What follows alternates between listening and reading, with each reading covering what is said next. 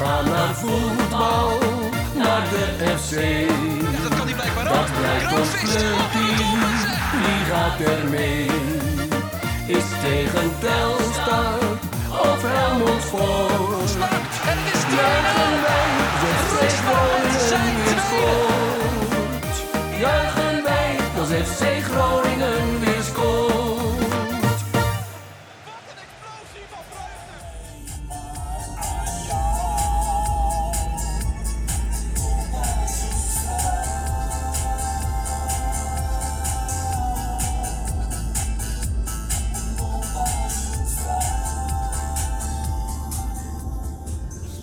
terwijl wij zitten te luisteren naar Bomba zoekt vrouw van de prachtige artiest eh, Willy Bomba, eh, zijn wij onderweg richting het Gelderse Epe voor het trainingskamp van FC Groningen in aanloop naar het seizoen in de keukenkampioen divisie. Naast mij zit eh, Thijs Faber.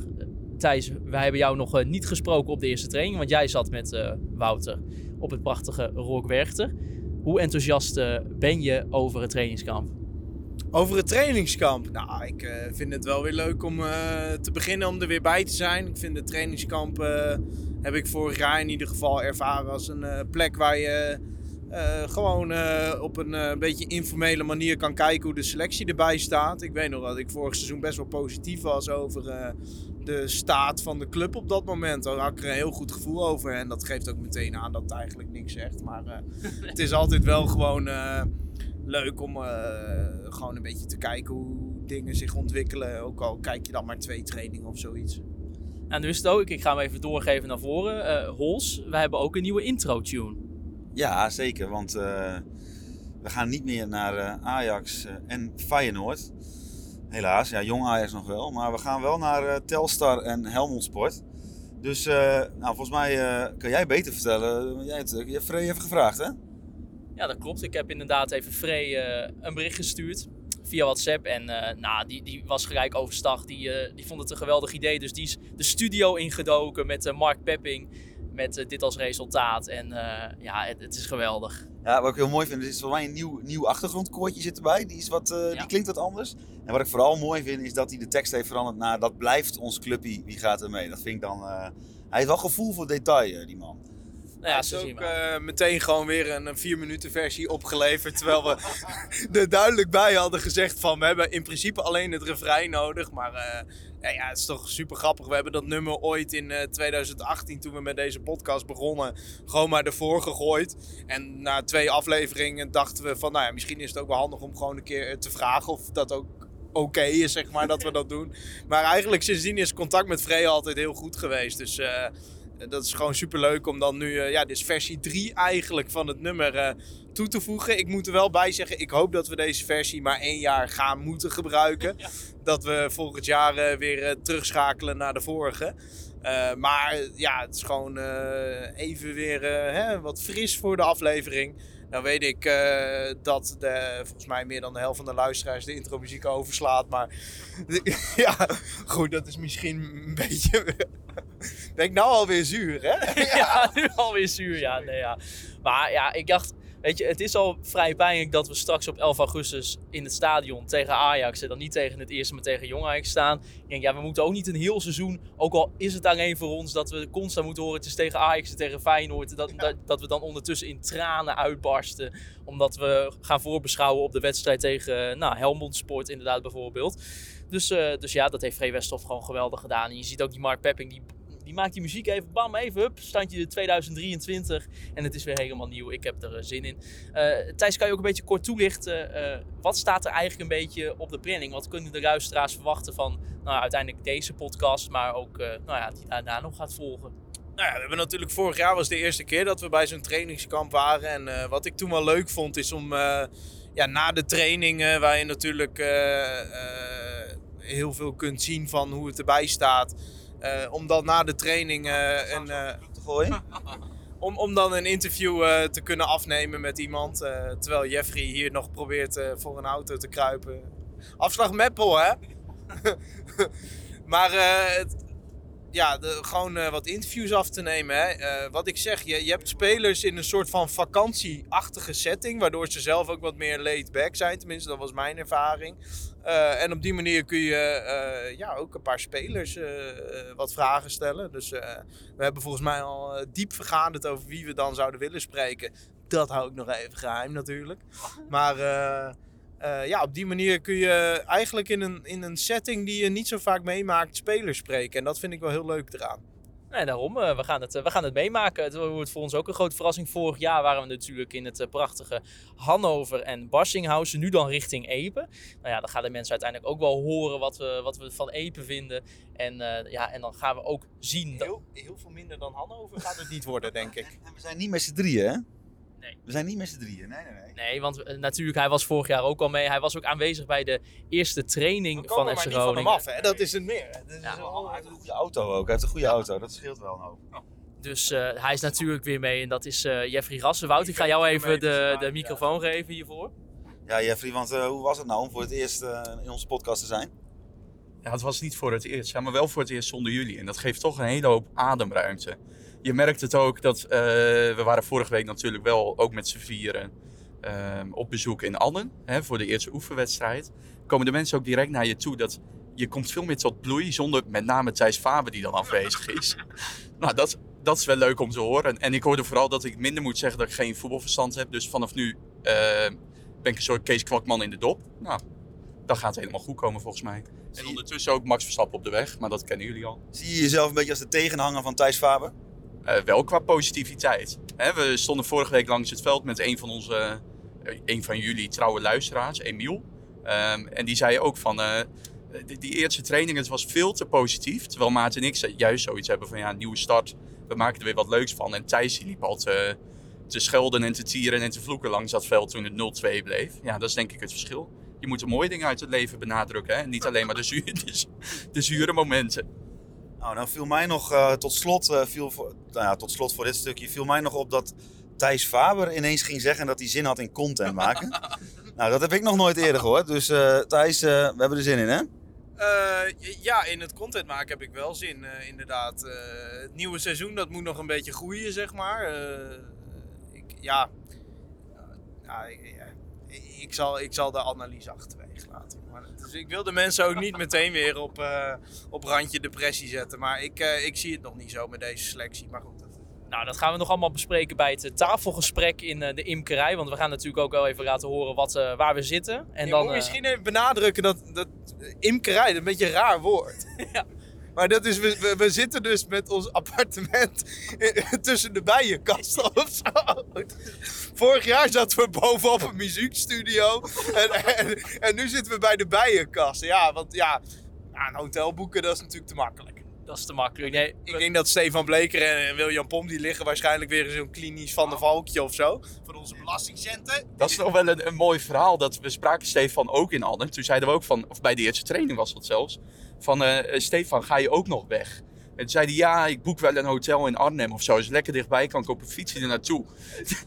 toen dacht ik, nou, ik ben niet de allerbeste in topo. Maar volgens mij Arnhem-Epe, vrij aardig stukje. Denk, ik laat het wel lekker gaan. Toen daarna hoorde ik hem met William Pomp praten. Zei hij, ja, en dan kan ik gewoon lekker op de fiets naar Ede. Toen dacht ik, oeh, een week voor de aanvang weet hij nog niet waar het trainingskamp is. Dus ik ben benieuwd of hij er is. Stefan Bleker die staat morgen bij de lokale amateurclub in Ede om bij de training te kijken. nou, dat gaan we allemaal meemaken. Ede Wageningen trouwens. En dan, eh, en dan gaan we straks eh, lekker eh, richting de imkerij. En dan eh, gaan jullie horen wat, eh, nou, hoe dat is. En dan gaan we ook even lekker aan tafel even inhoudelijk praten over FC Groningen. Over de afgelopen weken, over het nieuws en alles. En eh, hoe ook Thijs Faber blijkbaar toch nog met een zure blik richting aankomend seizoen kijkt momenteel. Want we zitten momenteel op het eh, prachtige terras van eh, SV Wissel. Eh, Wouter, wat is, is jouw eerste indruk een beetje van het trainingscomplex hier?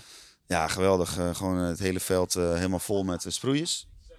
Ja, ik weet niet, heeft Jos uh, ooit wel tegen mij gezegd dat het heel bijzonder is. Dat is heel bijzonder? Ja?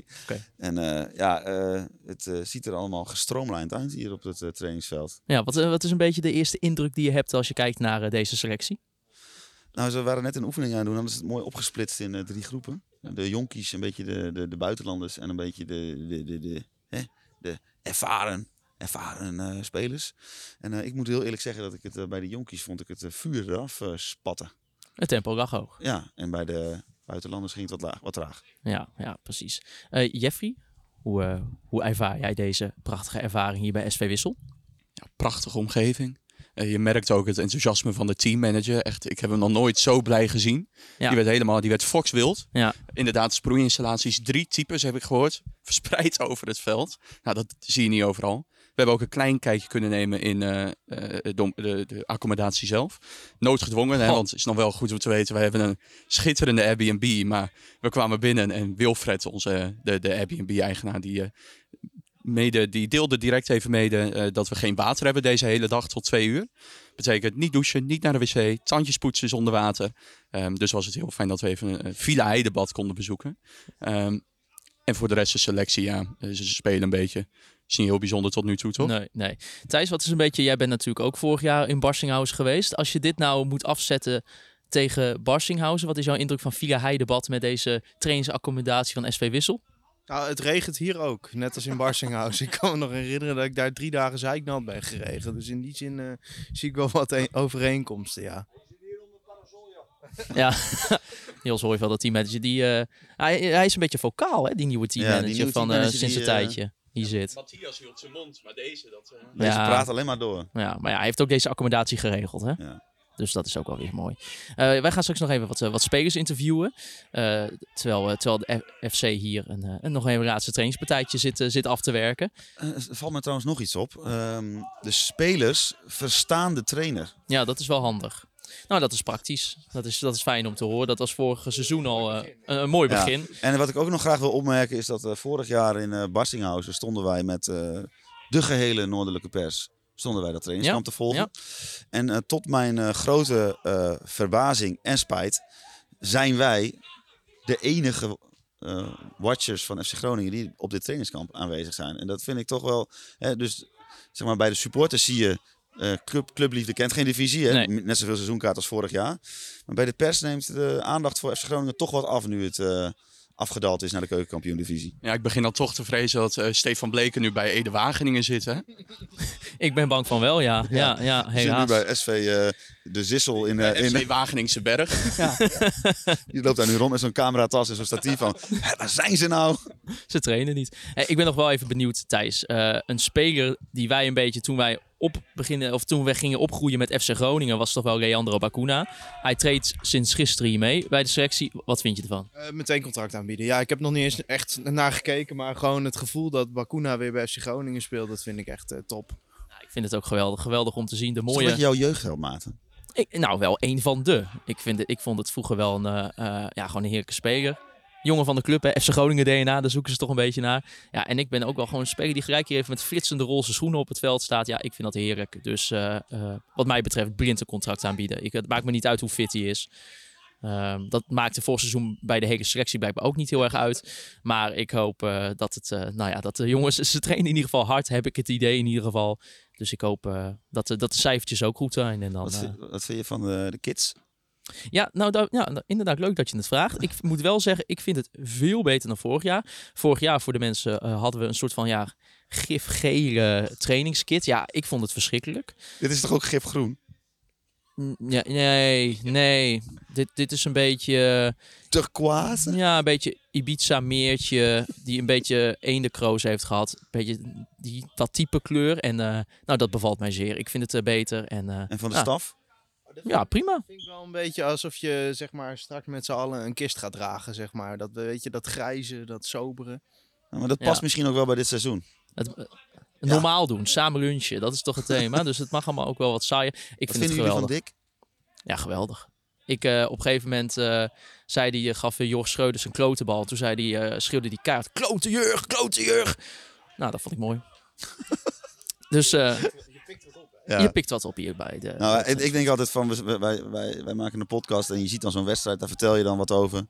En eh, dan, als je dat eh, 200 keer doet, dan, kun je, dan, dan, lukt, dan lukt dat wel aardig. Maar als ik bij zo'n training sta te kijken, denk ik toch altijd van, ik heb ook helemaal geen verstand van wat ze hier eigenlijk, wat ze hier eigenlijk aan het doen Je zijn. snapt niks van de oefeningen. Je, je kijkt een beetje. Ja. Nee, nee, Dus ja. ik denk van, oh, oh die Jorg Schreuders ziet er wel echt goed uit. Mijn watch to watch voor dit seizoen ook trouwens. Ja. Maar eh, ja, dat ik wel denk van, ja, eh, weet ik veel wat ze aan het doen zijn en of dit goed is. Nee, daarom. Dus eh, laten we maar gauw naar de interviews gaan met de spelers. En eh, nou, ook het inhoudelijke gedeelte van de podcast. Te beginnen dus met het eh, inhoudelijke gedeelte. Echt het inhoudelijke gedeelte van deze podcast. Want ik, ik zit aan tafel bij de prachtige Imkerij Het Haagje in Epe. Met alle drie de heren. Eh, we gaan het nieuws en de selectie eigenlijk bespreken. En eh, nou ja, te beginnen even Thijs. eh, hoe is Epe voor de luisteraars? Wat, wat, wat is je eerste impressie? Nou, het is hier wel mooi. Bosrijk, Veluwe. Eh, ja, ik, ik zou hier wel kunnen wonen. Ja? Ja. Hey, eh Heidebad is natuurlijk eh, de slaapplek slash verblijf van, van FC Groningen. Dit moet de plek zijn waar de mannen van Dick Lukien s'nachts met een bureaulampje aan de brouwdruk gaan leggen voor, voor deze kampioenenploeg. Hols, kan dat bij Villa Heidebad? Nou, dat eh, kan zeker. Ehm, nou, wij kwamen aanrijden en wij zagen een of ander landgoed. Het, was echt een, een gebouw. Dat dachten we echt, dat is echt niet normaal. En eh, wij dachten van, nou, eh, dat heeft Jos Hooiveld mooi Ja. voor ze geregeld. Nou, die weet wel wat van pandjes. dus, Zeker. En, maar dat bleek toch een heel ander landgoed te zijn. En toen reden we iets verder door. En toen helemaal in de bossen ingeklemd lag Villa Heidebad. ge, ge- be- hoe noem je dat nou weer? In eigendom van een eh, mevrouw en een meneer die dat eh, drie jaar geleden van hun ouders hebben overgenomen. Die hebben het hotel 18 jaar geleden gekocht. En ze, ja, AZ is er wel eens geweest. Cambuur was de eerste club die er ooit kwam. Het Pek Spaans, Zwolle. Pek Zwolle, het Spaanse vrouwenelftal. En de top van Ajax zou eigenlijk deze week hierheen willen. Maar die ze- hebben ze afgezegd. Want FC Groningen was er. Goh, geweldig. Dus, dat is eh, even een nieuws wat je hier brengt. Ja, wauw, wauw. Ja, maar die En- zitten nu ergens anders. Maar ik moet zeggen, ik, ik krijg hier een ontzettend goed gevoel bij, bij dit hotel. Ja. Ja, de koffie stond klaar. Ja. Eh, we konden daar even... Vond je het ook lekkere onze- koffie? Eh, het was sterke koffie. Je wist Ja. weer even dat je leefde. Ja, nee, als je onderweg pech hebt en je hebt motorolie is op, dan... eh, Ja. Maar eh, ook voor je sanitaire behoeftes kon je daar terecht. En dat is toch altijd prettig. ja. Aangezien hier eh, in eh, het appartement het water was afgesloten de hele dag. Ja, dat, eh, nou ja, dan- uiteindelijk hebben we het overleefd. Kleine teaser, we hebben ook een eh, stortbui gehad. En eh, in onze podcast Achter de Muur kun je horen hoe dat, eh, hoe, eh, hoe dat zich allemaal eh, Ja, verging toen Thijs even niet meer in de auto stond. en de blijkbaar is er, is er veel behoefte voor de podcast achter de muur. Want eh, nou, de- vandaag gewoon tien nieuwe leden erbij. Alleen maar omdat we gisteravond natuurlijk half bezopen. een behind the scenes achter die betaalmuur. En ik kan wel zeggen, als ik geld zou besteden en dat zou ik aanklikken, dan zou ik denken, ik heb mijn geld ongelooflijk goed besteed. Prachtig.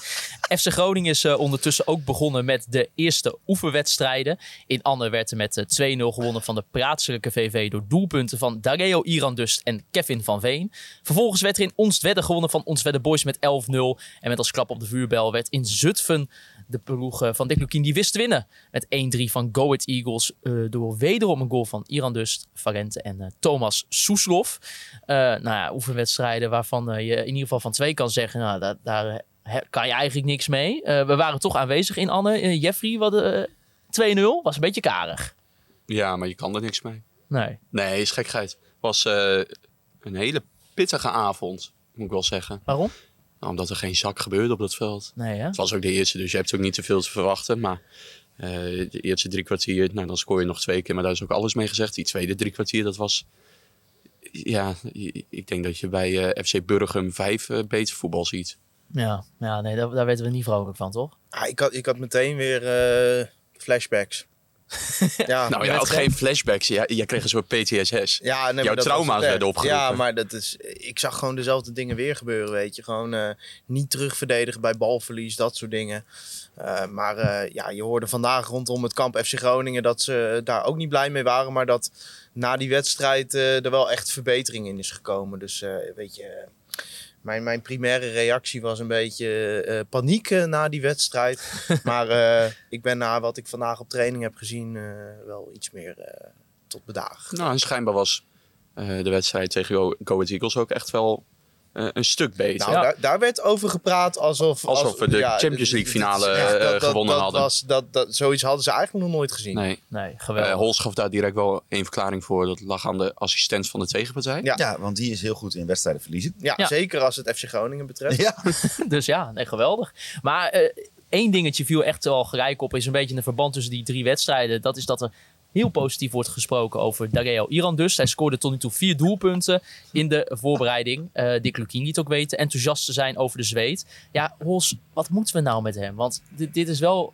wederom een kans voor, eh voor Dareo. Ja, voordat ik het zeg, oh, mocht je dus in de achtergrond wat horen. We zitten dus buiten, dus Ja. ik hoor in de vette ook een trekker rijden. En er lopen hier schapen en het, de, de, de, blaadjes ritselen een beetje. Dus mocht je je afvragen van wat is dat, dan heb ik dat Nou, als bij je zelfs dat geluid niet kan plaatsen, is het Thijs die hoest nadat hij een shotje neemt.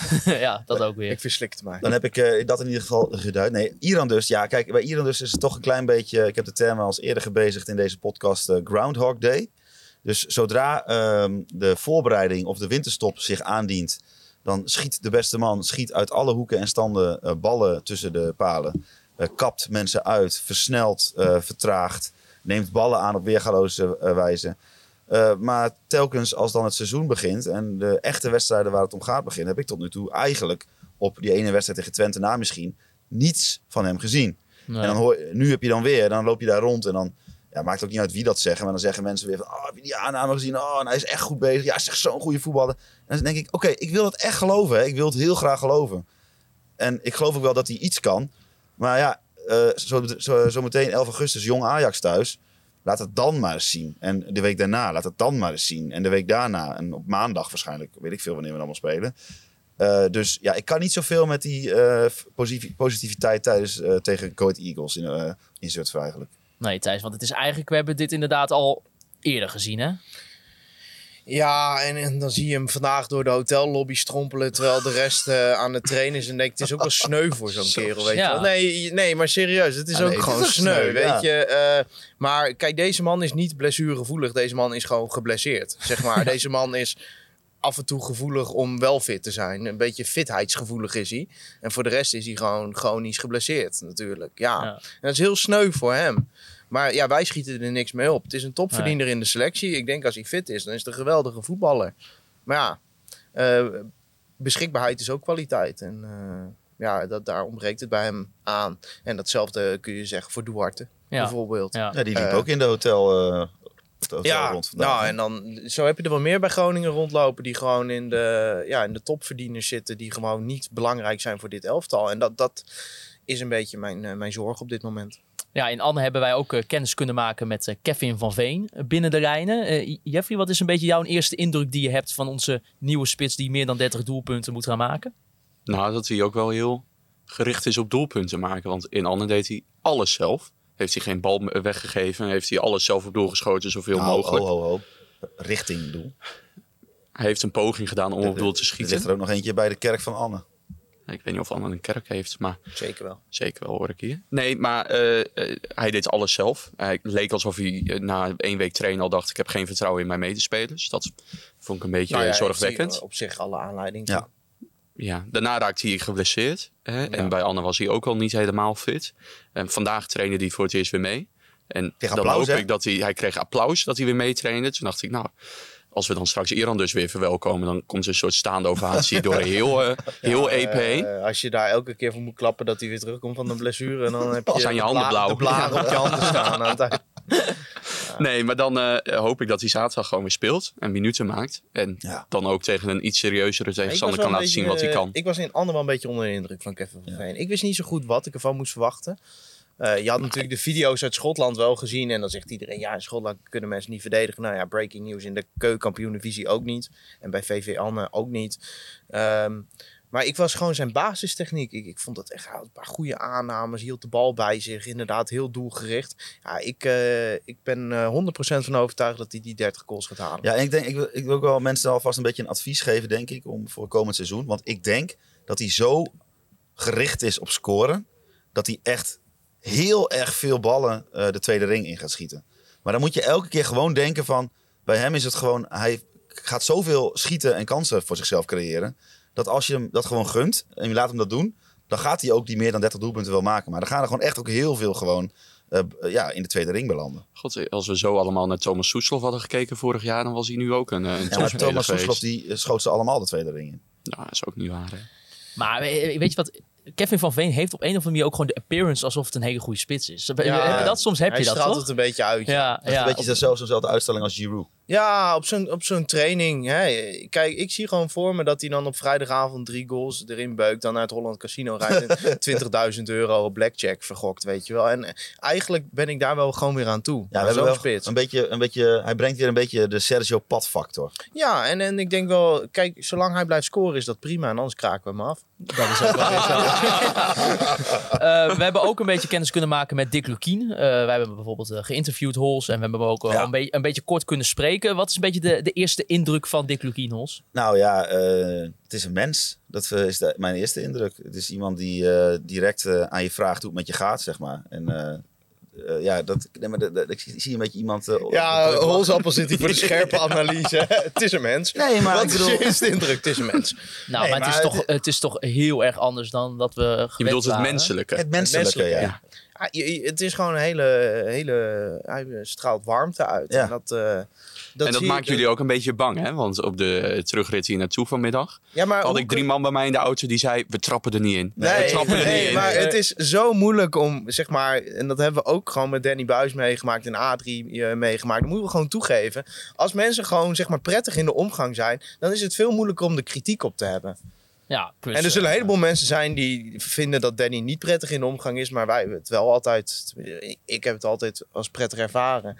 En ja, dat, dat, dat staat met Dick ook toch bij, ja, het is, ja, het is toch een beetje dat je denkt, ja, ja, hij bedoelt allemaal wel goed en zo. Ja, nou, en stafleden vinden elkaar aardig, dat helpt. Ja, dat is, Eh, ook, dat is ook schrik hoor. ja, dat je echt het gevoel hebt van, hé, deze mensen kunnen ook Ja, echt met elkaar door ja. één deur. Maar ja. ja, wie had dat gedacht? Hè? Als je mensen bij elkaar zou zetten die met elkaar kunnen omgaan, dat er dan ook minder ruzie en zo is. Ja, Geweldig. ja dat is voor Wouter En we hadden een staf geweest. trouwens hè, deze week. Nou, ja, wie, wie was er niet? Nee. Nee, sterker is nog, de niet? trainingskleding was op. Ja. Want er liepen er een paar gewoon in een broekje van drie jaar geleden. Daar zat het jubileumlogo op. Ja, Ja, maar als je dan... eh, er is een... eh, ik noem hem het menselijke, maar als je dan eh, de interviews die zo meteen achter deze aflevering aankomen met de drie spelers Mooie vandaag, teaser, mooie teaser. Zeker.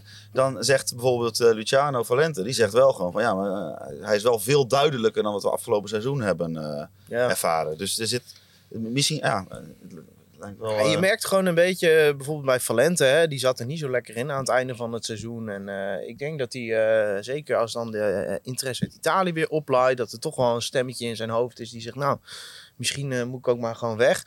En dan is het toch, ja, oké, ik heb een gesprek met Dick gehad en ik blijf en ik heb zin in het komende seizoen. En, en, en dat is gewoon een beetje de, de kracht van Dick, denk ik. ja, nu nog wedstrijden winnen. Ja, maar dat, dat kan natuurlijk heel snel gaan. Hè? Ja. Als je wedstrijden gaat winnen. Kijk, ondanks dat het een enorm trieste selectie was, die spelers zijn allemaal niet zo verschrikkelijk slecht. Hè? Maar het, het, weet je, de, het geheel klopte niet. Maar met een paar juiste aankopen en zeker ook een paar juiste vertrekken, eh, ja, valt hier echt wel wat van te maken. En Thijs, hoe is het om voor het eerst in je leven iemand eh, te hebben bij de technische staf van het eerste elftal van FC Groningen, waar jij ook training van hebt gehad? Ja, dat, eh, ja, ik denk niet dat ik. Ik denk dat ik ooit een keer training van hem heb gehad. één keer, zeg maar. eh, Oh. Casper Goedkoop Oh, als assistent, inderdaad. nee, maar hoe, hoe meer Friesenaren in de staf, hoe beter. Kijk, je hebt Jos Hooiveld uit Zijen. Casper Goedkoop uit Fries. Ja, dat is gewoon eh, ongelooflijk goed. Daar komen allemaal goede mensen vandaan. Eh, hè? Dick Heuvelman onder andere. Eh, dus dat is hartstikke mooi dat op deze manier Fries, Zijen, hè, dat die driehoek een beetje vertegenwoordigd is in de, in, in de technische staf. Daar ben ik hartstikke blij mee. Jij noemt Jos Hooiveld. Moeten we niet heel even stilstaan bij het feit dat... Nou, ik heb nog nooit een staflid zo enorm relaxed zien zitten als Jos Hooiveld vandaag. Die, alsof hij op vakantie Ja, is. er wordt altijd verteld. Hè? Ik heb wel eens eh Raymond Sluiten daar bijvoorbeeld over gehoord. Die was toen... eh Ramon heet hij, hè? en Raymond Sluiter. Raymond Sluiten. Nou ja. Die was toen benaderd om eh, teammanager te worden bij Feyenoord. En toen was hem uitgelegd wat het vak teammanager inhield. En toen zei hij, zoek maar een ander. Maar eh, ja, dat was er bij eh, de teammanager van FC Groningen niet een Nee, maar nu, klinkt, nu lijkt het alsof hij zijn werk niet goed doet. Nee, hij maar doet zijn zei- werk juist hij zei uitstekend. juist van als je alles aan de voorkant... hè, aan de voor- Precies. Aan de Als je voorkant. vo- als vooraf goed regelt. Hè? En Kijk, ik aan moet de andere kant- Hij heeft ons het hele proces uitgelegd hoe je dan bij zo'n eh, locatie komt, zoals in Epe. En dan denk ik, ja, er is wel verrekt goed over nagedacht. Hè? Het, hij zei, het moet als een soort huiskamer voelen. Het trainingsveld moet op loopafstand zijn. En je moet niet het gevoel hebben dat je in een Fletcher Hotel 25 jaar geleden loopt. Nou, Ja. dat, Dan eh, kom je in Epen terecht. dan kom je in Epe terecht. Kijk, en het is wat je zegt bij hem. Die rust bij hem straalt ehm, eh, een soort, ja... Ik heb mijn werk goed gedaan, vibe uit. Hè? Ja. Kijk, aan de andere kant van het trainingsveld zat iemand lang eh, uitgerekt op een stoeltje in de dugout. ja, het is dat waarbij jij je- erover begint. Maar... Waarbij je denkt, deze Napoleon, die, eh, die doet zijn werk niet zo heel goed. Nou, dat, ja, ik kan daar weinig over zeggen, maar ik heb wel het gevoel van Art Langley. Ik dacht dat je al op vakantie was geweest, zeg maar. Ah, ja. Ja, en als, Hij als, is en dan- gevoel? En dan als hij dan langsloopt, allemaal heel vriendelijk hoi zeggen. Ja, geweldig. Ja, Thijs, wanneer ga je gewoon eens een keer een gesprek met die man voeren? oh, dat kan hoor, daar sta ik wel voor open. Ja. Want ik merk hier toch een beetje een soort, eh, ja, een soort veten die... eh, Nou, ik weet niet. Ik, nee, maar veten. mag het ook een keer op, op, op gevoel? Ik heb, ik heb gewoon altijd, als ik die man zie, denk ja, ja. Ja, want afgelopen jaar heb je alles op ratio gedaan. Ja. Nee, maar dat denk ik, ja, het loopt wel hier rond, maar ja. ik zeg maar, hij gaat de goals er niet inschieten, dat denk ik. nee, dat- Koppen zeker Dat niet. doet Jos, Maar, maar dat doet Jos ik denk altijd van ja, ik ben wel benieuwd. Eh, ja, misschien moeten, we, ja, misschien moeten we daar wat meer voor openstellen. Ik heb altijd zo'n gevoel van ja, dit is gewoon eh, ja, een KNVB-functionaris, zeg maar. Nou, ik zou hem wel graag een keer in de podcast willen. Om een keer even dat goed. tegendeel eh, te bewijzen. Even die jullie jongens even informeren. Laat me even weten. Dan Ja. Geweldig. Kijk ik wel of ben ik er niet. Laten we even kijken naar, eh, naar de selectie eh, momenteel. Eh, Nick Bakker en Paulus Abraham zijn beide niet meegegaan naar Epen en omgeving. Want eh, ze zijn momenteel eh, beide geblesseerd. Ehm, Laten we even kijken nog naar de aantal vertrokken spelers. Je noemde het al even, een aantal eh, eh, zijn vertrokken. Eh, Jan Hoekstra is vertrokken naar FC Emmen. Eh, Jan de Boer is vertrokken naar VVV Venlo. Gelukkig alsnog gefeliciteerd naar Jan natuurlijk. Marin Swerko is naar Venetia vertrokken. Damiel Dankerui naar Panseraikos FC. Dat uh, volgend seizoen uit zal komen op het hoogste niveau in Griekenland. En Yaya Kelly, die al bij Noorcupping zat en daar ook zal gaan blijven. Eh, Neurshipping. ja, dat, eh, dat de verwachte namen. Toch? Dit, dit, eh, dit, dit was niet gek. Deze staan, stonden wel echt bovenaan de lijst om Ja. eh, een transfer te maken. Ja, prima. Is, is dat een, al- een goed begin van de, nou, de schoonmaak Ja. die nog moet, eh, moet Ja, komen? ik heb toch er nog wel een paar deel? op de nominatielijst, maar dit is al een goed begin. Ja, nou daar gaan we straks nog even op in, eh, inzoomen. Want er zijn ook nog een aantal spelers binnengekomen. Dat is eh, Marvin Peersman van Aris Saloniki. Kevin van Veen, dus Daniel Beukers, Marco Rente. eh, Michael Verrips kwam dan nog voor een jaar extra weer over. En Hidde Jurrius van de Graafschap. Ja, in hoeverre zijn jullie tot nu toe tevreden over de, nieuwe spelers? Hols? Ik ben zeer tevreden over zeg maar, de individuele gevallen. Ehm eh, Peersman kreeg ik online een beetje het idee van dat hij wel wat te bewijzen heeft ten opzichte van de beeldvorming, zeg maar. Ja. Dat, eh, daar waren toch wel veel oud Cambuur supporters, of nee, Cambuur supporters, hij is oudspeler van Cambuur. Die zeiden van nou, eh, veel succes ermee, eh, daar heb je niks aan. Eh, dus ja, de- daar ben ik wel heel benieuwd naar hoe die zich gaat eh, ontwikkelen en manifesteren.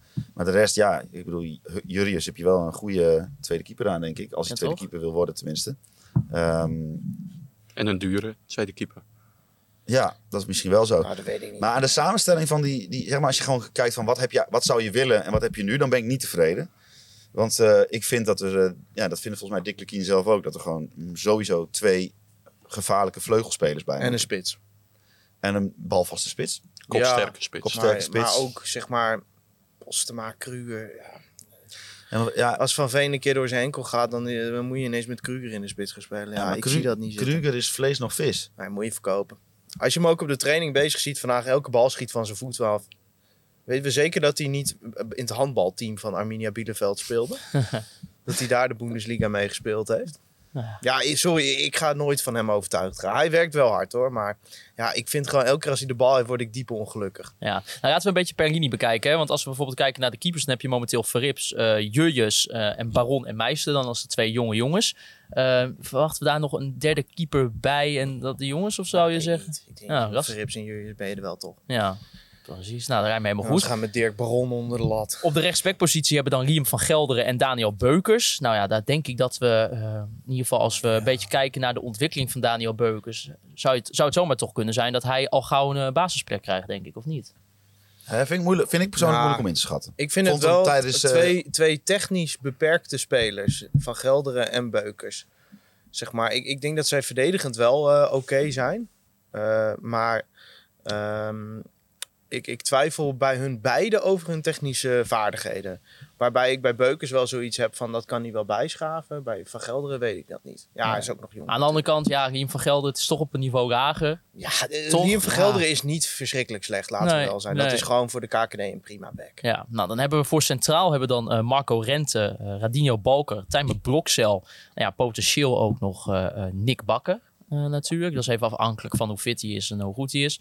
Nou, Moussampa zou daar nog kunnen spelen, maar die kan je ook al eventueel als linksback eh, eh, gebruiken. Eh, ja, hebben we de benodigde centrale verdedigers, Jeff, zo? Tuurlijk. Achterin, hele linie. Klaar zo. Prima.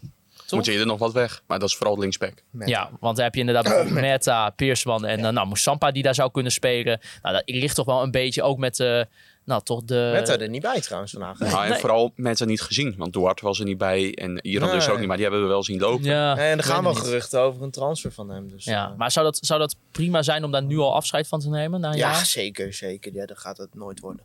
Nee, daar heb je geen vertrouwen in. Ook, niet, ook niet in de KKD. Dat is mijn mening. Hè. Ja.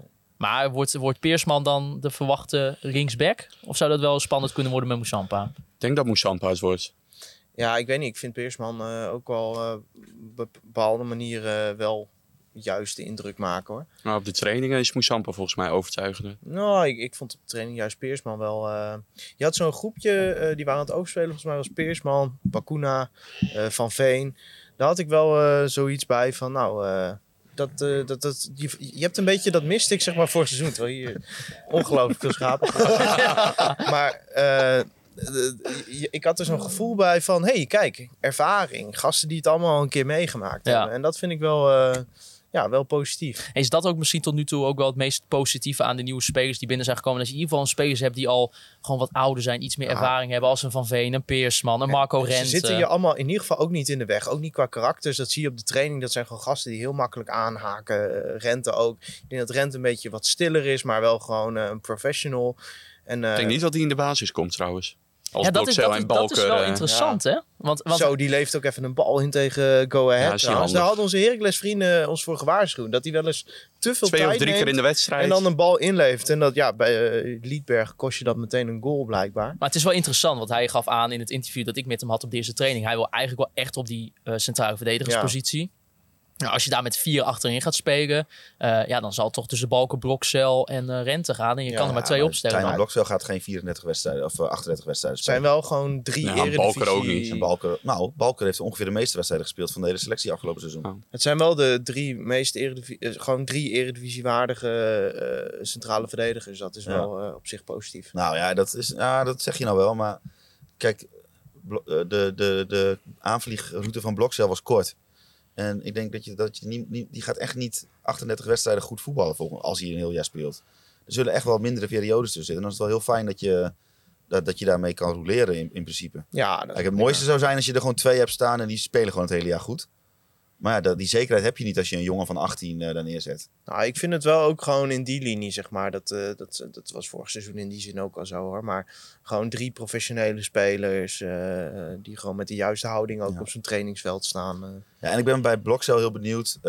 Kijk, hij kwam afgelopen jaar kwam hij echt in het meest slechte elftal ooit. Kwam hij erin en was hij een lichtpunt. En ja, heel eerlijk, het was ook niet heel moeilijk om bij dat elftal een lichtpunt te zijn. En nu heeft, moet hij zich gaan bewijzen in een team wat gewoon vanaf begin af aan kampioenskandidaat nummer 1 is. Dus is ook weer een andere eh, rol die hij in die zin, eh, van een andere situatie waar hij zich in begeeft. Dus ik ben wel heel benieuwd hoe hij zich daarin manifesteert. ik Maar- vind wel dat de verdediging is echt de least of our concern, zeg Ja. maar. Dus dat is nou ja, middenveld, middenveld heb ik hele grote twijfels. En aanvallend eigenlijk, los van Van Veen, he- al helemaal. ligt er een beetje toch ook een beetje aan eh, wat, wat je met Nick Bakker gaat krijgen. Ja, weet je, als die er ook nog bij komt, dat, ja, dan heb je gewoon prima. Heerlijk. Ja, Ja. Maar, maar, maar ja, ik vind middenveld en aanval, dat, eh, dat, eh, dat- nou ja, ik lig er niet wakker van. Maar als ik ergens van wakker zou moeten liggen, dan is dat wel. Nou ja, de positie, of de, in ieder geval de linie waar we toch nog wel de meest eh, uitgaande transfers kunnen verwachten, dat is toch wel het middenveld. Eh, daar hebben we momenteel eh, Joey Pelupessi, Raros Duarte, Thomas Soeslof, Dareo Irandust, eh Jors Schreuders, Luciano Valente en nou ja, op papier ook nog natuurlijk nog Johan Hoven. Maar daar kunnen we wel eigenlijk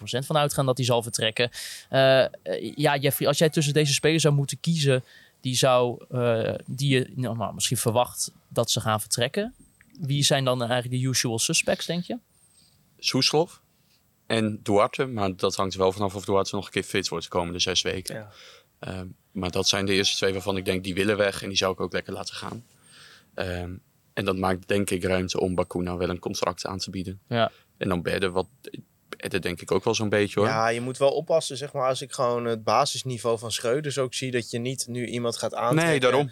En aan de andere kant is het in die zin ook wel een moeilijke beslissing, denk ik hoor, voor, Ja. eh, voor de technische verantwoordelijke. Omdat ik denk wel dat Het compositie Ik denk wel als je Schreuders op de training en in die oefenwedstrijden bezig. Ik denk wel dat hij er klaar voor is om veel speeltijd te krijgen. Maar aan de andere kant wil je ook weer niet het hele middenveld op gaan hangen aan Valente, Nee, maar dan is en, eh, Bakuna denk ik toch juist in handen. Want die zal niet Ja. zo fit zijn dat hij ook ja, maar dan ga 30 ik weer op gevoel spelen. Ik, eh, je staat vandaag naar een training te kijken met Leandro Bakuna in een FC Groningen shirt. Ja, dan gaat mijn hart echt sneller Geweldig, kloppen hoor. Dus ja. ja.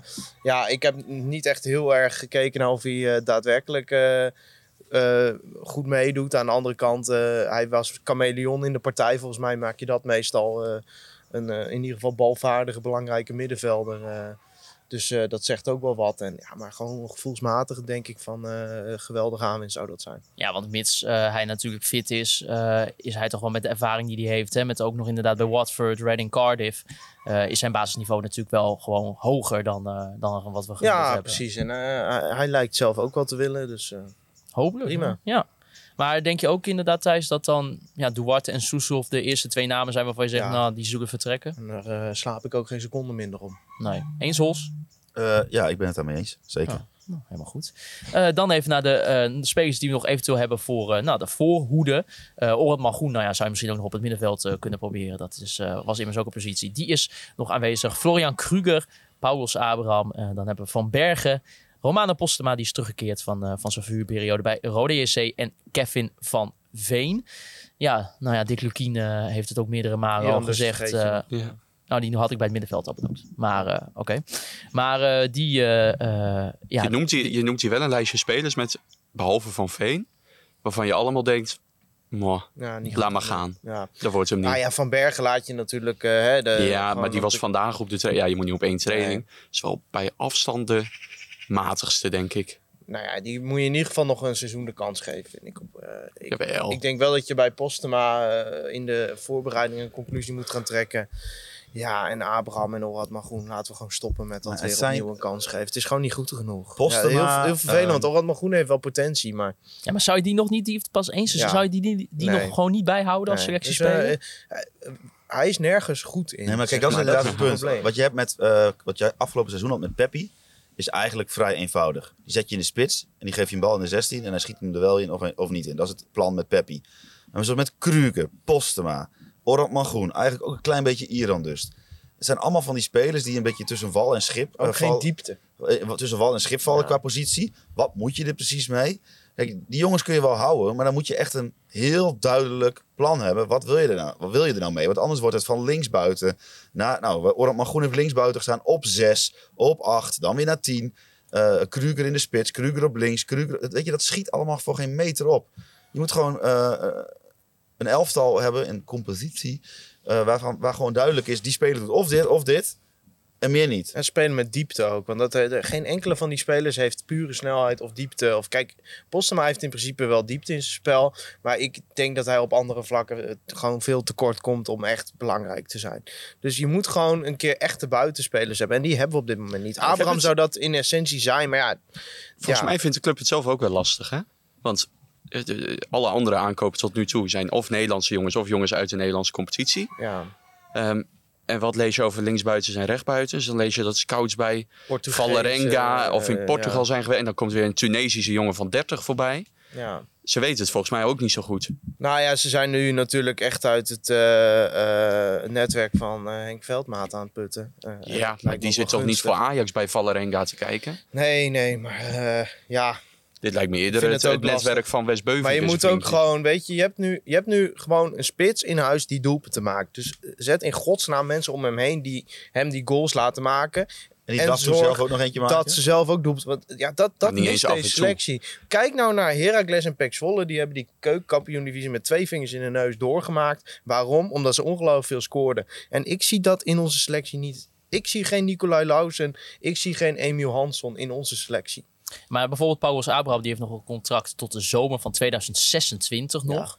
Ehm, Fleddy, bedankt. Zou je, zeggen, zou je hem gewoon zeggen van nou we verkopen? Of zou je zeggen verhuren misschien een keer een jaar? aannemelijk bod. Het, het wordt, het, ja, verhuren zou kunnen. Maar in Nee. ieder geval, Lekker weg. maar dan ga je er weer een jaar aan ergeren dat hij gewoon ook daar elke keer geblesseerd gaat zijn. Je moet, hij is ook gewoon toe aan iets nieuws, denk ik. Volgens mij moeten we gewoon de conclusie trekken, het, het, het werkt niet. Nee.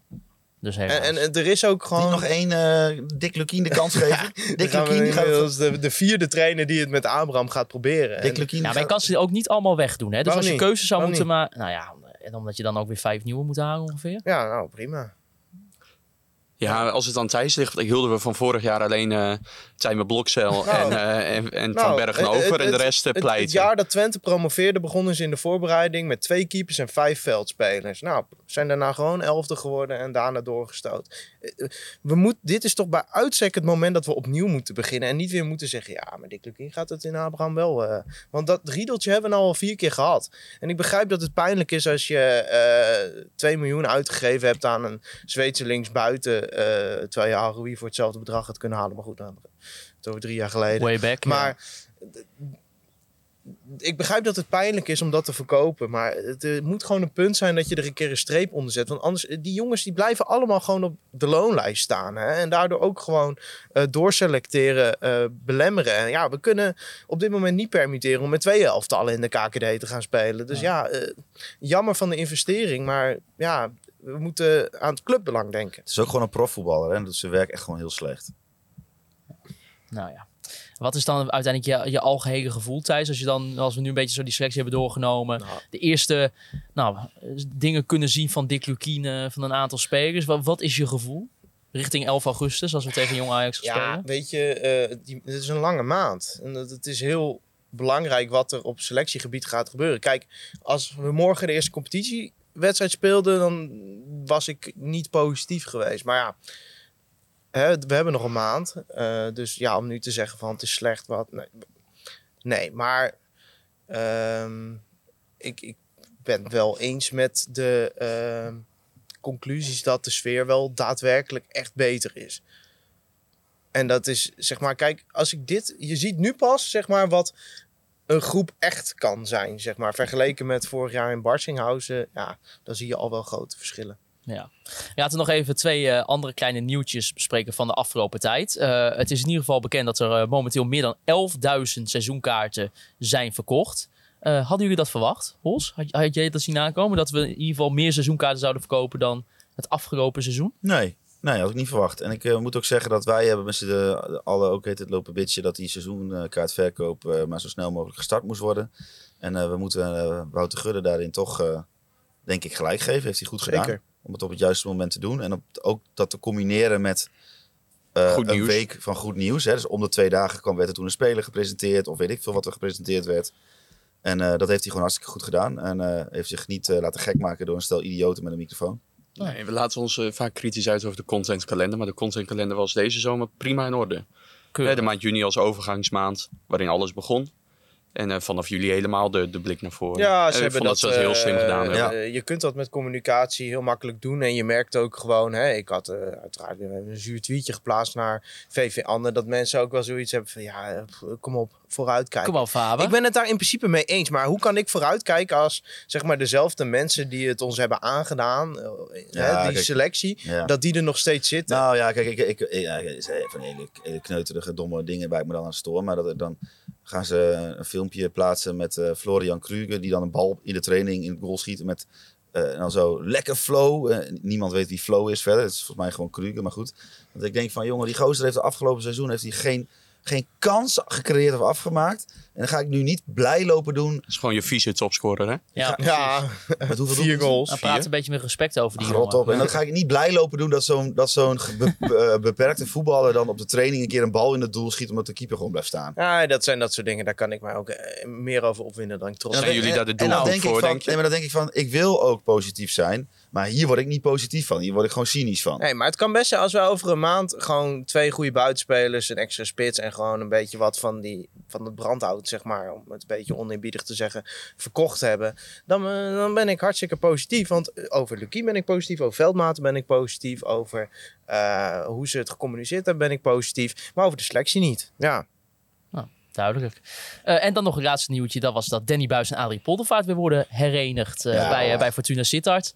Ja, dat, dat gun je eh, natuurlijk Danny, maar ook, denk ik wel vooral Adrie na de afgelopen periode. Ja, Adrie die stuurde ons op een gegeven moment filmpjes dat hij weer aan het hardlopen was. Ja. En toen deed hij van, ik ga vooruit. Terwijl ik dacht, nou, als ik dit doe, dan eh, kun je mij opvegen.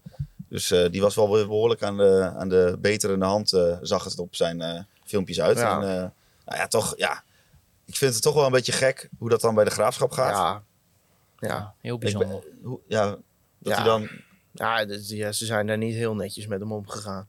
Dat kan je in ieder geval zeggen, ja. T- eh, hoe hij dat vertelde, kreeg ik een beetje de indruk van... Nou, dus op het moment dat jij weer beter bent, ontslaan ze je ook meteen. zeg Ja, dus ik vind het dan wel heel goed dat, eh, dat hij er eigenlijk voor is. Weet je wel? Dat hij ja, zelf en, een andere... en, en weet je, kijk, Danny en Adrie weer terug bij elkaar, dat is gewoon top. Nou, laten we hopen dat, Dus, dat ze eh, goed maar gaan even doen. één ding over die seizoenkaart. Hè, want het is dus nog veel positiever dan mensen denken. Eh, als je bijvoorbeeld, eh, iedereen heeft het over NAC. En dat is natuurlijk ook gigantisch knap dat die nu gewoon weer 13.000 seizoenkaarten verkocht hebben. Wat doet NAC? Die doen de business seats en de vrijwilligerskaarten zitten ook bij dat totaal in. Groningen doet dat niet. Zou Groningen dat wel doen, zouden wij inmiddels al bijna 17.000 kaarten verkocht hebben.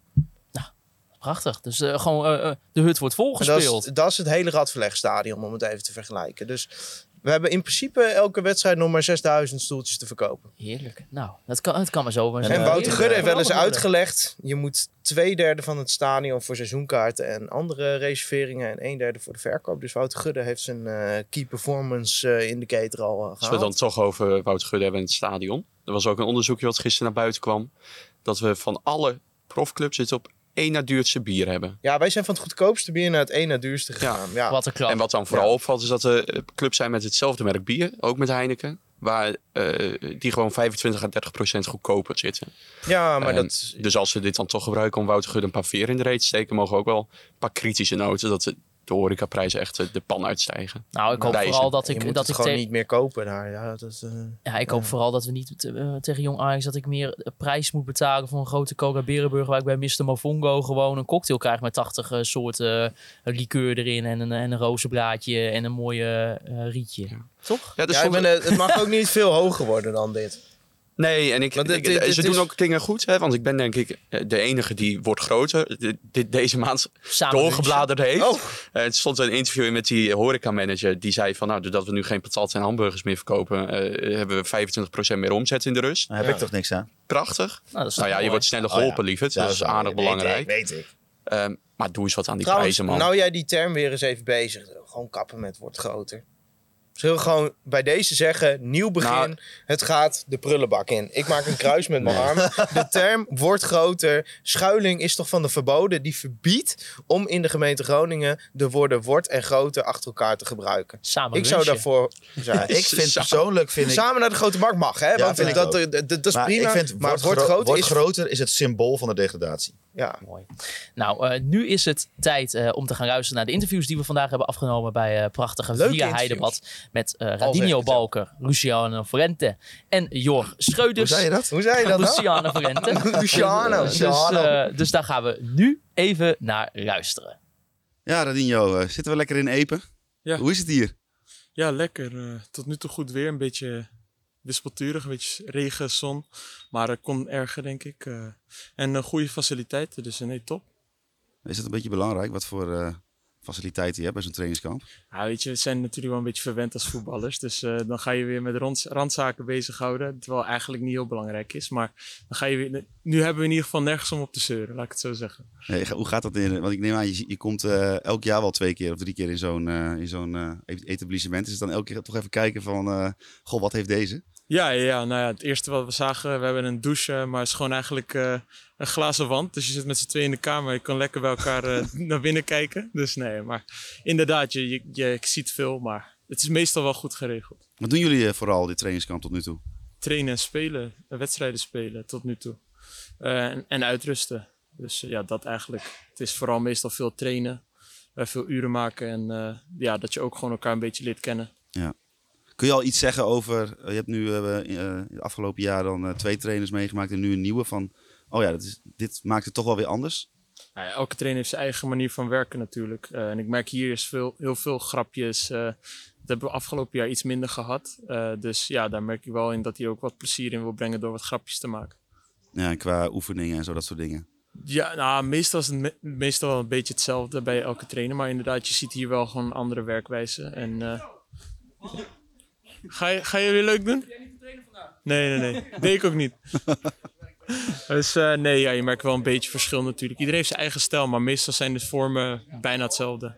Ja, maar hij wil wel... eh, nou ja, goed, vorig jaar natuurlijk niet zoveel gewonnen. Hij wil nu wedstrijden gaan winnen. Dus Ja. er moet wel wat, eh, wat veranderen natuurlijk. Nee, tuurlijk. Maar ik denk dat het meer in het spelidee zit dan in de Ja. trainingen zelf.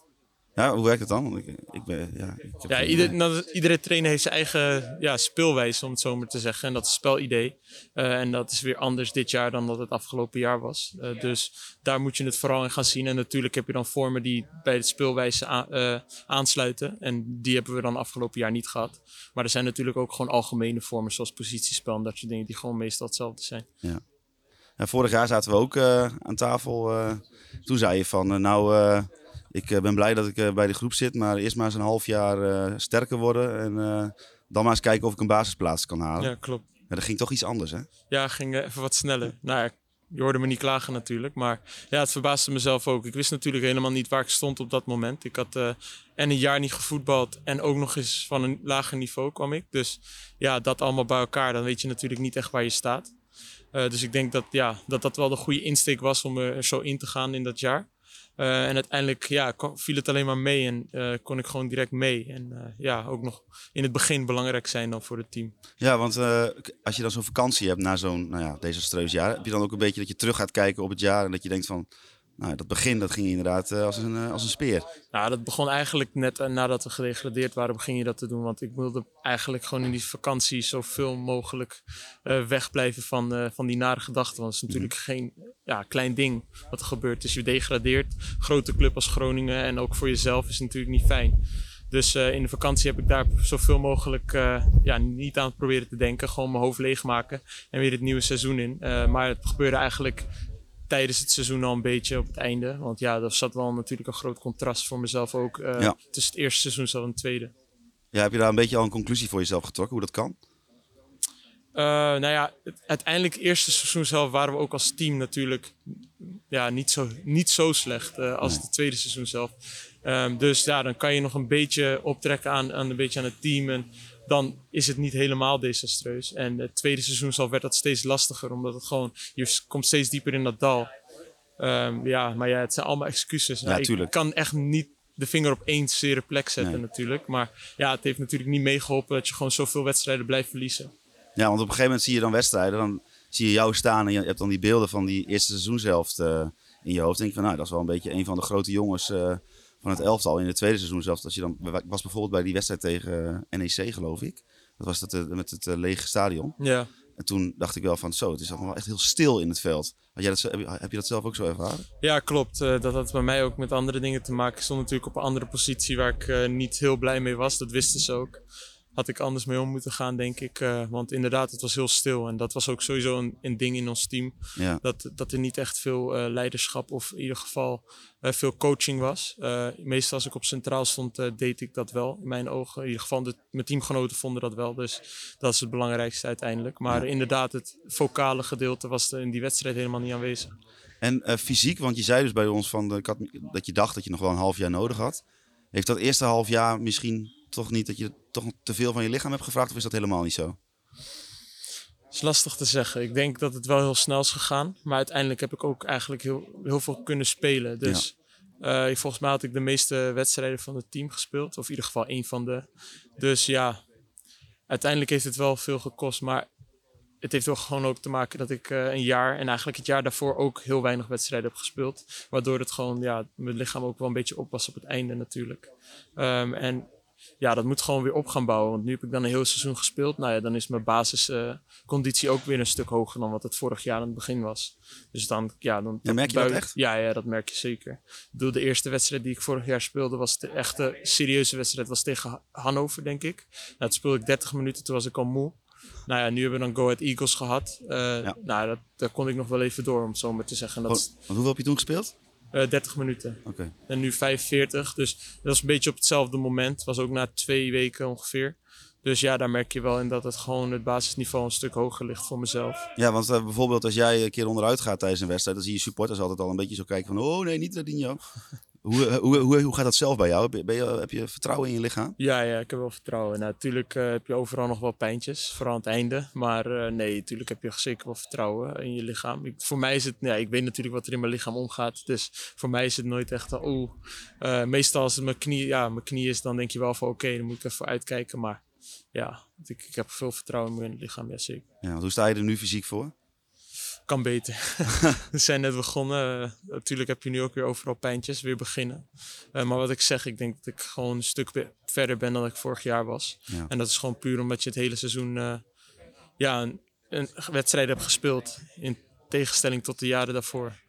Hoe kijk je een beetje naar dit seizoen? Ja, het is nog een beetje lastig te zeggen. Ik ken de teams nog niet echt goed. Maar als ik alleen maar naar ons kijk, denk ik dat we gewoon goede trainingsstaf, eh, trainers hebben. Goede, goede jongens in het team, goede nieuwe jongens erbij. Eh, dus ja, ik zie het wel rooskleurig in. Ja, ik, denk, ik kan me ook voorstellen dat als je degradeert, dat je ook wel een beetje, ja, in ieder geval in je hoofd gaat afwegen van wil ik hier nog wel zijn eigenlijk. Klopt, ja, dat heb ik natuurlijk ook gedaan. En ik heb ook aangegeven van als er iets moois zou komen, dan eh, ja, zou ik daar niet eh, slecht tegenover staan. Nee, maar ik denk dat, dat, dat niemand dat eh, zou willen of zou zien. Dus ik weet ook dat Groningen niet zomaar mij zou willen laten gaan. Dus ja, dat, dat gaan we zien. Het duurt nog lang, dus ja, we zien het wel. Als we er nou gewoon even vanuit gaan, even gewoon een hypothetisch, het blijft gewoon. Hè? Dus het Mhm. komt, als er, komt, misschien komt er wel een mooie club, maar daar gaan we even niet vanuit. Heb je er een beetje zin in, eh, om Ja, Groningen zeker. weer terug te brengen? Tuurlijk, ik bedoel, eh, wat ik zeg, deze club hoort hier eigenlijk niet te staan. Eh, we hebben het wel zover gekregen dat we hier nu staan. En nu gaan we gewoon alles aan doen om zo snel mogelijk terug te komen. Ja. Ehm, op de achtergrond waar je misschien minder mee bezig bent, vliegen de seizoenkaarten over de toonbanken. Of krijg je dat een beetje mee? Ja, ik heb het wel gezien. Hoe, hoe, mij, hoe leeft dat in de groep, zeg maar? In de groep weet ik niet, maar ik zie het dan wel voorbij komen. En denk ik, nou ja, dat is toch mooi. Ik bedoel, eh, slecht seizoen gehad. Je hoorde heel veel mensen zeggen van, ik kom hier niet meer terug. En dan toch wel weer, eh, volgens mij 11.000 was de laatste Ja. wat ik gezien had. Dus ja, dat is wel mooi. En ik denk natuurlijk ook dat vrijdagavond best wel een, goede tijdstip, een goed tijdstip is, zeg maar. Voor, voor mensen. Dat is jou ook lekker weekendje vrij. ja, nou ja, voor mij komt het ook niet verkeerd uit. Maar natuurlijk speel ik het liefst nog op zondag. Maar goed. Ja, het is niet anders. Maar goed, nee, het is, wel, het is wel mooi om te zien dat de supporters gewoon zoveel vertrouwen in ons houden. En ook ja, willen blijven komen. Ja, en als je nou, wat ik net al zei, ervan uitgaande dat je er gewoon blijft, heb je dan persoonlijke doelen? Wil je weer een stap zetten? En wat voor stap wil je dan zetten? Nou ja, wat je zegt, kijk, ik weet dat het leiderschap, eh, dat, dat kan een stukje beter is dan het vorig jaar. Nou, vorig jaar was dan mijn eerste seizoen in de eredivisie. Eh, dit zal dan een stapje lager zijn. Dan zou ik daarin ook weer gewoon een goede stap kunnen zetten. Omdat ik dan... Het niveau is wel iets lager. En ik wil niet zeggen dat ik dan eh, beter... Of, hoe zeg ik dat nog goed? Eh, je kan je meer- iets meer focussen op de andere dingen. Omdat je die andere... eh, ja, je bent gewend om eredivisie te spelen, om het zo maar te Mhm, zeggen. Ja. Dus ik denk dat het ook weer makkelijker is om dan weer op het leiderschap te Ja. focussen. ja, en je zou ook om, om kunnen draaien. Je gaat ho- hopelijk nu gewoon een volledig jaar dan bij een dominante ploeg spelen. Is- Ja, dat is ook zo. Ja, dat is ook zo. Dus misschien dat een club als AZ daarna wel denkt van, goh, die eh, Radinho, die willen we er misschien wel bij hebben. Wie weet, ja, dat is allemaal in de toekomst. Ja, maar je begint wel te lachen. Nee, ja, maar dat zou natuurlijk mooi zijn. Ja. Ja. Ja, nou, eh, ik zeg eh, bedankt en eh, veel succes dit jaar. Alsjeblieft, geen probleem. Nou, Luciano, eh, we zitten buiten, Villa Heidebad. Eh, hoe bevalt het hier?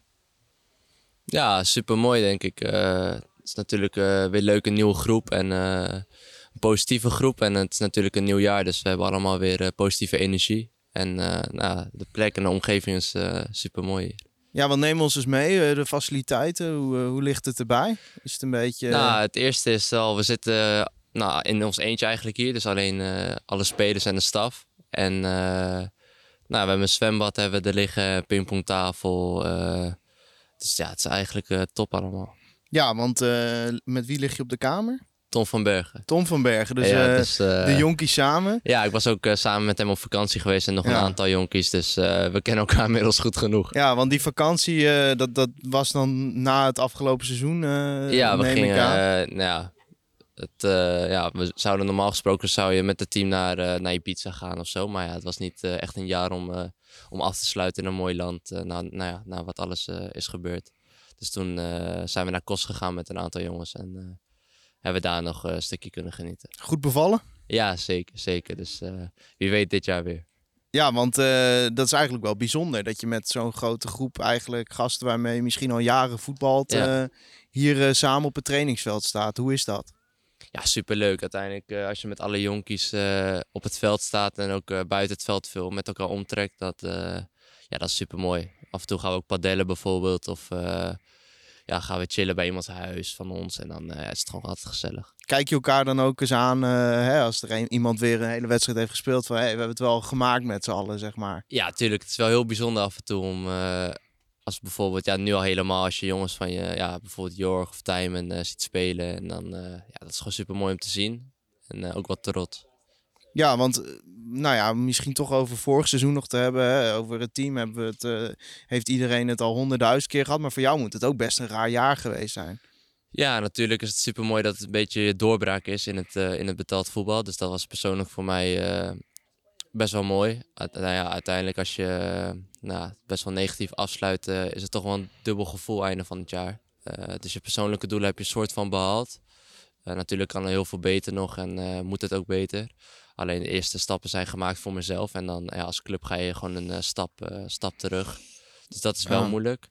Maar uiteindelijk hebben we dit jaar er gewoon eh, heel veel vertrouwen in dat we weer omhoog gaan. En daar gaan we ons best voor doen. Ja, want je, je- speelde op een gegeven moment eigenlijk alles. Eh, toen ineens niks meer. Ja, hoe is dat als jonge speler? Dat je hebt mogen proeven aan het profvoetbal, je, je grote doel. En dan ineens stopt het, zeg maar. Hoe is dat? Ja, ik denk dat ik in één jaar in principe alles heb meegemaakt wat je in voetbal kan meemaken. Ik ben geblesseerd geraakt. eh, ik heb in de basis een tijdje gestaan. Ik, eh, ik heb heel lang op wissel gestaan. Dus je maakt heel veel verschillende dingen mee. En dat is natuurlijk als jonge jongen heel leerzaam. Nou, natuurlijk eh, slaap je ook eh, een paar maanden wat minder doordat je niet veel speelt. En eh, nou, we behaalden geen punten, dus dat is super lastig. Maar ja, wat ik zeg, het is heel leerzaam en heel moeilijk ook. Maar uiteindelijk, als ik er nu op terugkijk, heeft het heel veel geholpen in mijn ontwikkeling. En ja, moet ik zeggen dat ik gewoon weer positief erin sta. En hoop dat ik met Groningen kampioen word dit jaar. Ja, en een nieuwe trainer. Wat is je indruk van, van hem, van Dick Lukien? Ja, ik denk een trainer die ons graag wil laten voetballen. En dat, eh, ja, dat past ook wel bij mij, zeg maar. Ik ben een speler die graag eh, mooi voetbal wil spelen. Misschien soms iets te mooi. Maar eh, nee, dat bevalt heel erg, heel erg goed. En ah ja, de hele staf zegt gewoon waar het op staat. En ik denk dat we dat misschien vorig jaar te weinig hebben gehoord. Eh, en nou, dat is ook heel positief allemaal. Wat is het beeld wat hij voor jou geschetst heeft? Want, want ja, hoe ziet hij jou bijvoorbeeld? Ziet hij jou als een, als een nummer 8, als een nummer 10, als een nummer 6 misschien zelfs wel? Ja, voordat eh, de voorbereiding begon hebben we wel een gesprek gehad. En eh, daar heeft hij mij eh, een beetje ja, geschetst als spelen. En ik denk dat we daar ongeveer hetzelfde over, over denken. Nou, we moeten natuurlijk wel nog even kijken hoe dat in een positie wordt. En, maar hij heeft gezegd, je moet gewoon elke, elke trainer 100% geven. Want er zijn veel middenvelders, dus de concurrentie is weer hoog, zo, zoals vorig jaar. Eh, dus ja, dat, eh, die ga ik gewoon aan en dan eh, zie ik wel op welke positie dat wordt. Mijn voorkeur heeft wel eh 10. Ja. Maar ja, vorig jaar was een ja, minpuntje van mij. Ik, nou, dat ik weinig scoorde en weinig, weinig assist gaf. Dus dat wil ik dit jaar laten zien. En in de voorbereiding ga ik daar mijn kansen voor pakken. Ja, want je ziet jezelf ook wel echt als 10 dan. Want ik, ik denk dat we vorig seizoen heb je vooral op 8 gespeeld. Maar je ziet jezelf wel als een speler die ook meer betrokken is bij het rendement van het team, zeg maar. Ja, dat verwacht ik van mezelf wel. Dat is vorig jaar niet uitgepakt zoals, zoals ik wou. Dus dat is, eh, ja, dan is het wel vervelend eh, als het niet gaat, zeg maar. Maar ik heb vertrouwen in mezelf dat, eh, dat ik dat dit jaar kan laten zien. En ik probeer dat nu in de voorbereiding al een lijn te geven. En dat, tot nu toe gaat dat best aardig. Maar ja, wat ik zeg, een nummer 8 positie kan ook, daar kan ik ook in spelen. Alleen ja, ligt er wel aan wie om me heen staan. Ik heb dan wel liever een verdedigende middenvelder die naast me staat, die echt het verdedigende gedeelte kan oppakken. Mhm. En dat ik iets meer vrij ben in mijn eh, aanvalspel. En op team ben je eigenlijk altijd vrij in je aanvalspel. Ja, want eh, is dat iets wat in de jeugd eh, er al in zat dat je wilde scoren? Of had je toen ook al moeite met rendement? Ik moet zeggen, helemaal aan het begin van de jeugd scoorde ik altijd wel makkelijk. Toen heb ik een tijdje ook wel op 8 gespeeld, zeg maar. Dus toen had ik nooit de focus op scoren. En nu heb ik vorig jaar wel echt gemerkt dat ik eh, gewoon meer wil gaan scoren en meer assist wil geven. En eh, ja, gewoon belangrijk wil worden voor het team. Eh, maar wat ik zeg, dat zou ook op 8 kunnen.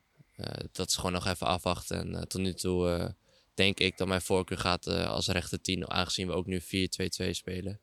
Ja, en, Op het en middenveld, zeg maar. Behoorlijke concurrentie. Eh, je benoemde het net al. Ja, hoe gaat dat eigenlijk in zijn werk? Is dat gezonde concurrentie? Of eh, denk je gisteren eh, bij zo'n Iran dus die dan geblesseerd raakt... dat je denkt, oh, dat is misschien ook wel weer een kans voor mij? Of, nee, helemaal niet. Zoals, Nee. zoals Iran dus doet het nu prachtig. Ik bedoel, hij laat rendement zien, hij speelt supergoed. En dat is alleen maar mooi om te zien. Ik bedoel, je, ik zou ook heel goed samen met hem kunnen spelen. Dus nee, ik denk helemaal niet zo. En ik hoop dat hij snel weer herstelt, maar dat, dat komt helemaal goed.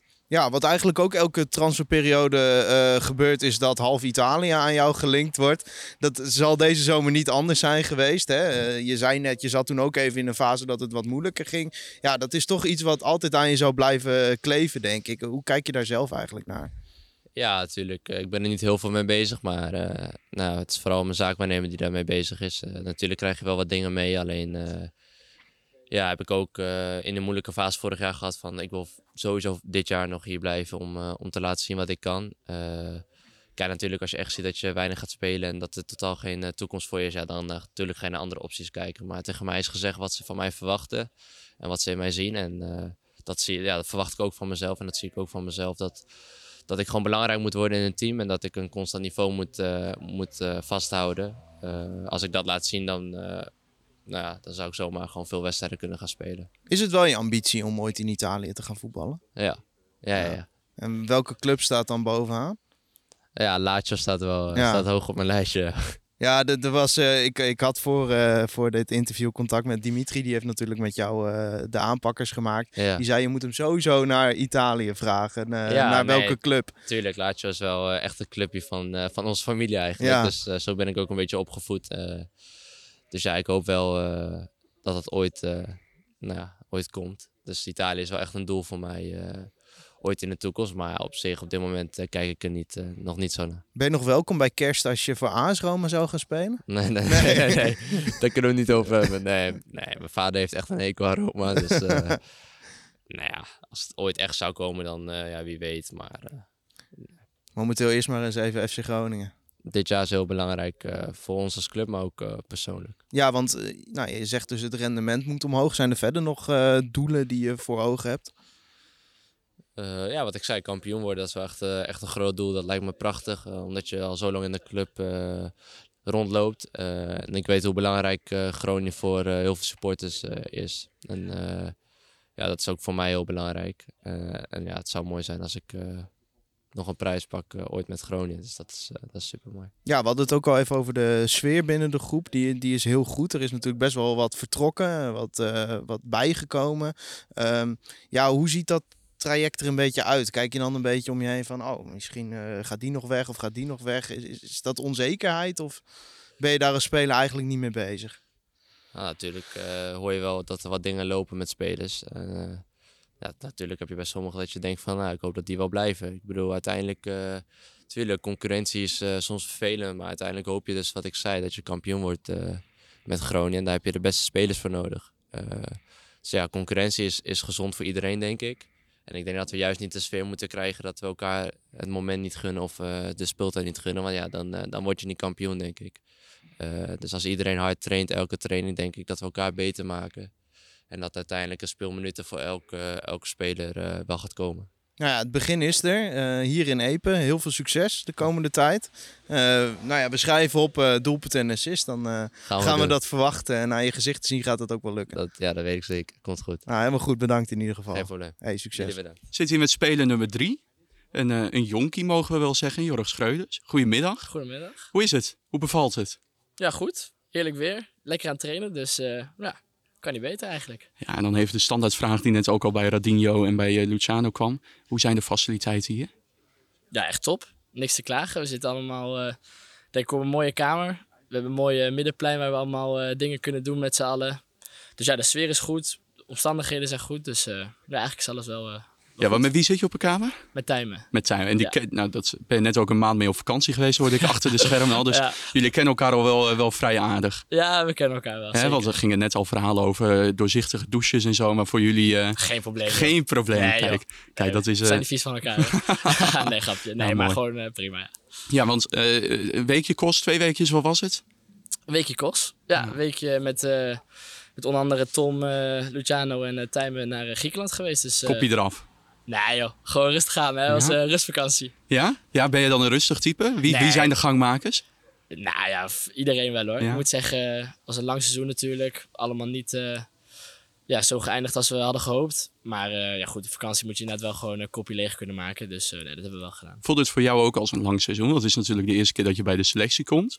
In het najaar denk ik al, onder, nog onder Frank Wormoed. Ja, nou ja, moet ik zeggen, ik was, ik was nog niet echt toe aan vakantie. Omdat, ja goed, de laatste paar wedstrijden begon ik natuurlijk met spelen. En eh, ja goed, dan wil je eigenlijk alleen nog maar meer, meer, meer.